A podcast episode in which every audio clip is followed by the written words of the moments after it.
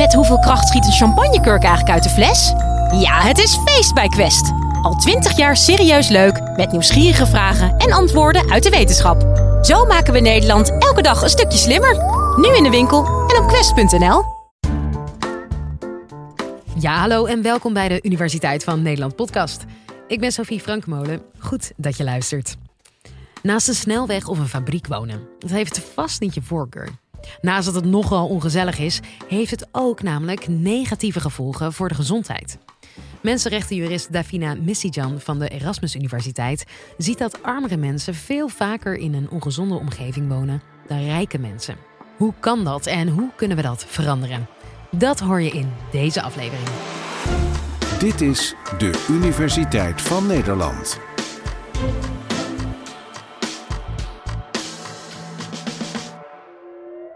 A nine year old girl from South London who died following an asthma attack in 2013 has become the first person in the UK to have air pollution listed as a cause of death. Only after relentless campaigning by Ella's mother was this new coroner's inquest ordered. The UK has one of the highest asthma death rates in Europe, nearly 50% higher than the European average.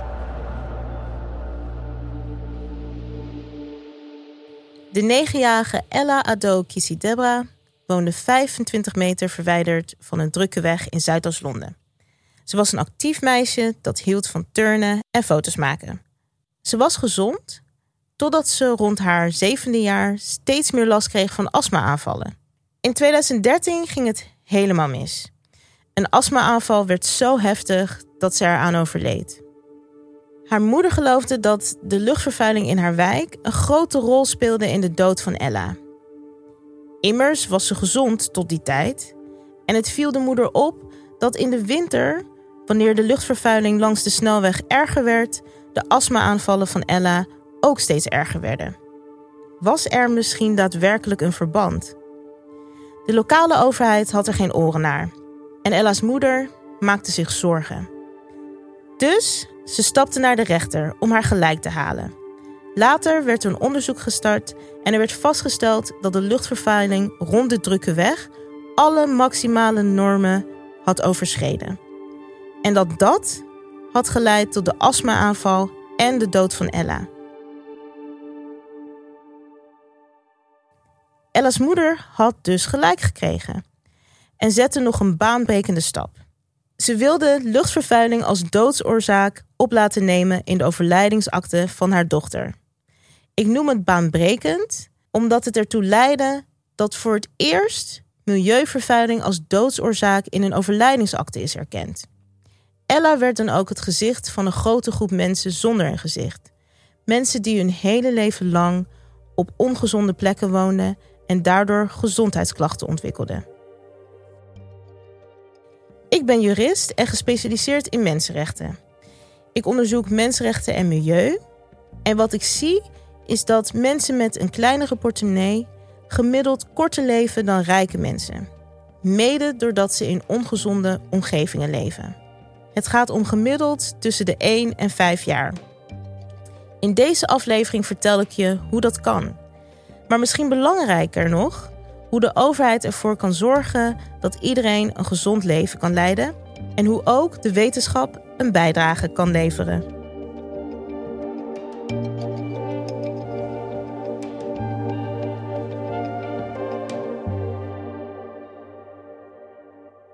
We beginnen bij het begin. Waarom leven mensen met een kleine portemonnee korter? Je denkt misschien dat het komt doordat iemand minder gezond eet of minder beweegt. En hoewel dit ook waar kan zijn, zijn er ook andere factoren die belangrijk zijn. Ik kijk namelijk ook graag naar hoe milieuongelijkheid in elkaar steekt en wat het effect ervan is. Milieuongelijkheid is ongelijkheid die samenhangt met de leefomgeving. Dus heeft iedereen wel evenveel toegang tot schone lucht? Heeft iedereen wel toegang tot groene plekken, zoals een park of een bos? Hebben mensen misschien last van te veel geluidsoverlast, van vliegtuigen of een naastliggende fabriek? Wat blijkt nou uit onderzoek? Ook in Nederland, een land waarvan we altijd denken dat er veel gelijkheid is, bestaat er een mate van milieuongelijkheid. Ik vergelijk milieuongelijkheid vaak met een storm. Iedereen zit dan misschien wel in dezelfde storm, Maar de een zit op een cruiseschip en de ander op een vlot. De mensen op het cruiseschip hebben veel meer dingen tot hun beschikking om goed door de storm heen te komen. Zeker als je dat vergelijkt met de mensen op het vlot. En dit heeft dus te maken met verschillende factoren. En in deze aflevering bespreek ik er drie. Laat ik eens beginnen met een heel belangrijke.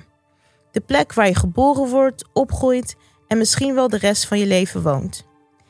Ella bijvoorbeeld woonde aan een drukke weg. Dit was geen vrije keuze. Haar ouders woonden daar al en hadden graag een andere omgeving gekozen als ze dat konden betalen. Dan hadden ze in een wijk gewoond met meer groen, betere lucht, zodat hun kinderen daar konden opgroeien. Dit zien we ook in Nederland terug. Sociale huurwoningen staan vaak op plekken waar de grond goedkoper is, want dan kan je de prijs van de huur laag houden. Misschien zie je het zelf ook wel eens. Als je in de auto zit, langs de ring van Amsterdam of Rotterdam. Dit zijn vaak goedkopere woningen, waardoor armere mensen noodgedwongen op deze plekken gaan wonen waar de luchtkwaliteit slechter is. En daardoor kunnen ze longproblemen ontwikkelen. Hier gaan we dan naar het balkon. Horen jullie meteen aan het geluid? Zo kunnen we dus nooit eigenlijk iets openzetten. Er is ook meer geluidsoverlast, waardoor ze vanwege slaaptekort en stress hart- en vaatziekten kunnen ontwikkelen. Het is ook in Nederland zo dat als een kind opgroeit binnen een halve kilometer van de snelweg, dat als ze 19 zijn, dat ze dan een beperktere longcapaciteit hebben ten opzichte van hun leeftijdsgenoten die op andere plekken zijn opgegroeid met minder vervuiling. Oké, dan de tweede factor. Als je dan op een plek woont waar je wordt blootgesteld aan een ongezondere omgeving, heb je dan vervolgens ook de middelen om daar wat aan te doen. Ten eerste zien we dat mensen die in deze omgevingen wonen vaak ook geen toegang hebben tot de juiste informatie. Als je niet weet dat je in een buurt woont met milieuproblemen, ga je natuurlijk ook niets eraan doen. En zelfs als je het dan weet, dan kan niet iedereen de dure luchtfilters of de betere isolatie betalen om de gezondheidsrisico's te verminderen. In Nederland zijn er 80.000 sociale huurwoningen die matig tot slecht onderhouden zijn. Dat is ruim 5% van alle sociale huurwoningen in Nederland. Ongeveer evenveel huizen als er in Maastricht staan. We zien vaak dat huizen van rijkere mensen veel beter beschermen tegen deze milieuproblemen dan huizen van armere mensen.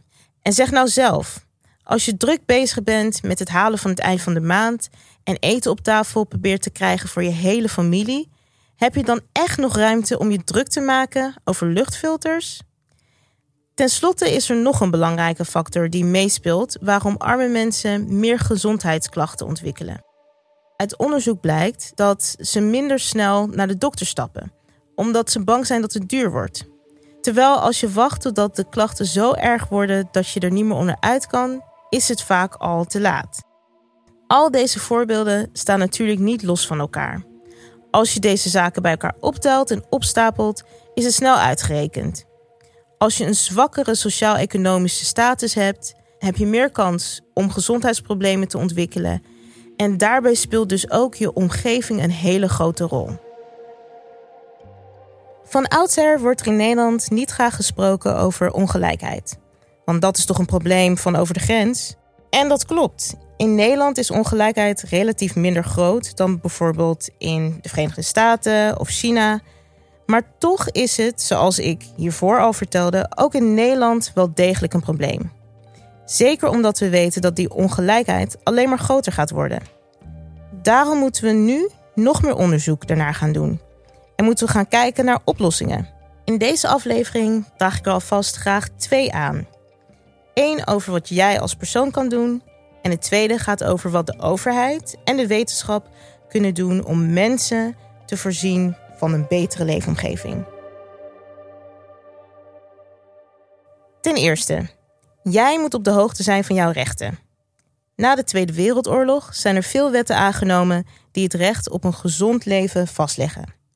Zo ook dus jouw leefomgeving. En er zijn ook allemaal Europese normen over luchtkwaliteit en geluidsoverlast die niet overschreden mogen worden. Maar hoe weet je hoe het zit in jouw buurt? Er zijn genoeg online graadmeters die jou precies kunnen vertellen hoe het gesteld is met de leefomgeving in jouw buurt. Zo kun je op de website Luchtmeetnet precies aflezen of je wel schone lucht inademt. En er zijn ook websites waar je precies kan zien hoeveel geluidsoverlast er in jouw omgeving plaatsvindt. En als je wilt checken hoe het zit met jouw drinkwater, kun je ook je drinkwaterbedrijf in de gaten houden of zelf testen. Onder deze aflevering staan er verschillende linkjes, zodat je kan checken hoe het zit in jouw buurt. Als je op de platforms kijkt, zul je zien dat dit helaas niet overal in Nederland goed is en dat er een groot verschil zit tussen verschillende regio's en buurten. Naast al deze factoren moet je mensen ook ondersteunen als ze na het lezen van al deze informatie inderdaad naar de rechter willen stappen. Want waar hou je het geld vandaan voor een advocaat en hoe pak je zo'n proces aan? Gelukkig zien we steeds vaker dat mensen de weg naar de rechter weten te vinden als ze inderdaad vinden dat hun recht op een gezond leven wordt overtreden. Dit zijn echter vaak toch wel mensen uit de hoge sociale klasse. Die hebben toch meer middelen tot hun beschikking om dit te doen. Gelukkig zien we ook steeds meer dat er organisaties zijn die mensen met een smallere portemonnee ondersteunen om ook de weg naar de rechter te vinden. Tot zover wat jij als individu kan doen. Als jurist probeer ik ook te kijken naar hoe een overheid bepaalde dingen kan veranderen om mensen te helpen betere keuzes te maken. Al zullen sommige mensen zeggen dat gezondheid je eigen verantwoordelijkheid is, dan moet je maar gezonder eten, moet je stoppen met roken en meer bewegen. Gezonder eten en meer sporten helpen inderdaad. Maar dat neemt niet weg dat je nog steeds recht hebt op een schone leefomgeving. En dat de overheid ook een rol heeft om kwetsbare groepen te beschermen. Dit is ook gelijk het tweede gedeelte van de oplossing. De overheid heeft ook een verantwoordelijkheid om zich te houden aan de voorgeschreven normen. En ervoor te zorgen dat de rechten van burgers en anderen niet geschonden worden. Nederland moet extra maatregelen nemen om de uitstoot van CO2 verder terug te dringen. Van de rechter moet Den Haag extra stappen zetten om de uitstoot in 2020 met 25% terug te brengen ten opzichte van 1990. Er kunnen allemaal verschillende dingen worden gedaan door de overheid. De overheid kan parken aanleggen, autovrije zones maken, steden beter inrichten. Maar wat hierbij belangrijk is, is dat er goed wordt gekeken naar welke groepen daarbij worden bevoordeeld en welke groepen bijvoorbeeld kwetsbaarder worden gemaakt. Onlangs werd er namelijk bekend dat in Amsterdam er steeds meer groen aan het verdwijnen is en dat dit niet alle wijken op dezelfde manier treft. Dit treft vooral wijken die armer zijn. Ook voor ons als onderzoekers en wetenschappers valt er nog een wereld te winnen. Het zou heel mooi zijn als er veel meer wordt geluisterd naar de gemeenschappen waar we het over hebben. En dat hun inzichten ook daadwerkelijk worden meegenomen in onze onderzoeken. Dus om terug te komen bij de beginvraag. Waarom leven mensen met een kleine portemonnee korter?